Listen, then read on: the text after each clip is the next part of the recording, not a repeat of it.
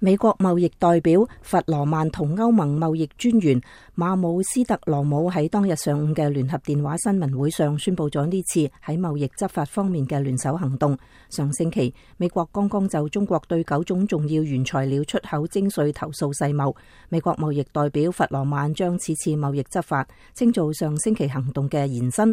佢话：今日我哋扩大咗嗰个申诉，我哋呢一次将重点放喺出口配额方面。当然，呢一次并非单独行。动，而系同欧盟联手合作，弗罗曼指出。出口配额同出口税一样，使到中国嘅制造商喺呢啲原材料价格上比外国制造业者更有优势。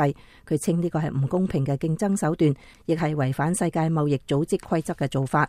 弗罗曼喺上星期嘅电话新闻会上话，嗰个系奥巴马政府嘅第二十二宗世贸投诉案，其中十三宗系针对中国嘅不当贸易行为。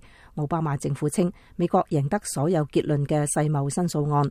当日嘅贸易诉讼系欧盟第三次。就中国对原材料出口设限向世贸投诉，欧盟分别喺二零一二年同二零一四年向世贸提出类似申诉，都获得胜诉。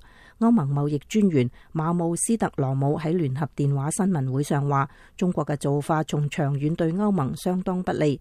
佢话贸易限制使中国对全球原材料市场具有决定性影响，而呢个亦成为矿业部门投资同运作嘅不确定因素，对佢有不利影。影响，更重要嘅系从长远嚟睇，呢个做法会牵制欧洲。